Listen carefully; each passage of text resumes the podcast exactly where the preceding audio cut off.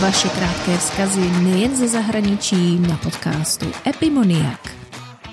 Ahoj, zdraví vás Blanka z Rakouska. Když někdo přijde do Rakouska a chce hledat práci, tak uh, takový ten standardní portál, kde, je, kde jsou nabídky práce, tak je kariére.at.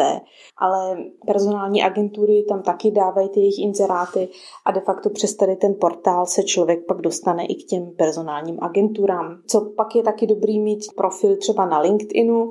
LinkedIn je ale spíš pro takový mezinárodní pracovní pozice v Rakousku se jinak je víc rozšířený portál Xing, tam má víc lidí profil. A jinak ohledně hledání práce, co bych doporučila, rakouský pracovní trh je takový docela konzervativní, což znamená, že třeba ve chvíli, když jste čerstvý absolvent ze školy, tak přesně to, co má člověk vystudováno, tak jenom v tomhle oboru může hledat práci nebo jako má šanci najít práci. Plus k tomu musí mít ale už během studia přesně v tomhle oboru praxi, eh, což je v Rakousku taková specialita, protože v Čechách, teda když jsem dřív já byla, tak eh, to nebylo prostě možné si najít práci na částečný úvazek už přímo v tom oboru. Asi určitě není jednoduchý si najít práci ve chvíli, kdy se člověk rozhodne, že chce naprosto změnit obor, protože na to není rakouský pracovní trh prostě vůbec připravený Oni opravdu chtějí už jenom ty lidi, co už mají v tom daném oboru zkušenosti. A už i když e, třídí váš životopis, tak je nutné, aby váš životopis prostě zapadal do těch jejich kastlíků. Ten umí to, ten umí to. Jakože ten životopis musí být hodně specifický na jeden konkrétní obor. Ve chvíli, kdy ho máte takovej, že zahrnujete více oblastí, tak už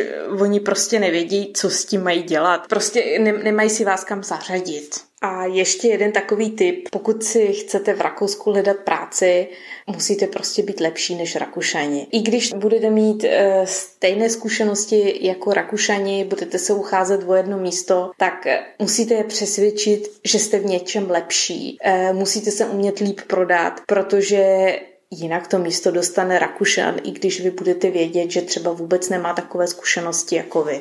Každý, kdo přijede do Rakouska a ještě žádnou práci nemá, tak bych mu určitě doporučila, aby si zařídil cestovní pojištění, protože ono sice v rámci Evropské unie by ta kartička pojišťovny měla platit na takovou tu nezbytnou zdravotní péči, ale z vlastní zkušeností vím, že třeba pokud potřebujete po nějakém úrazu do nemocnice, tak i když tu kartičku ukážete, tak to vůbec nic neznamená a oni vám pak docela rychle pošlou fakturu na docela vysoké částky s krátkou dobou splatnosti, takže se určitě vyplatí mít cestovní pojištění.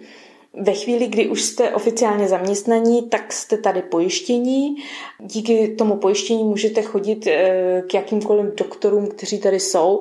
Eh, jsou tu doktoři, jak doktoři, co mají smlouvu s pojišťovnou, anebo doktoři, co, eh, co jsou jako takzvaní soukromí doktoři, které se musíte zaplatit. Co se týká doktorů s pojišťovnou, tak existují webové stránky docfinder.at a tam si de facto nejlíp podle místa bydliště prostě najdete, v jakém oboru, jaký doktor je nejblíž u vás. Jsou tam i hodnocení nemusíte být ani u žádného doktora nahlášený, jako je to třeba v Čechách, že, že váš praktický lékař má tu kartu a když změníte lékaře, tak se musíte vaše karta přemíst k tomu druhému lékaři. Tady to tak není. E, když e, jste normálně zaměstnaný, e, máte placené pojištění, tak můžete každých čtvrt roku jít k jinému praktickému lékaři, myslím, že i odbornému lékaři. Často k těm odborným lékařům na to vyšetření ani nepotřebujete, aby vám praktický lékař napsal doporučení, že chcete jít eh, k odbornému lékaři. U těch eh, lékařů, kteří mají smlouvu s pojišťovnou, se připravte na to, že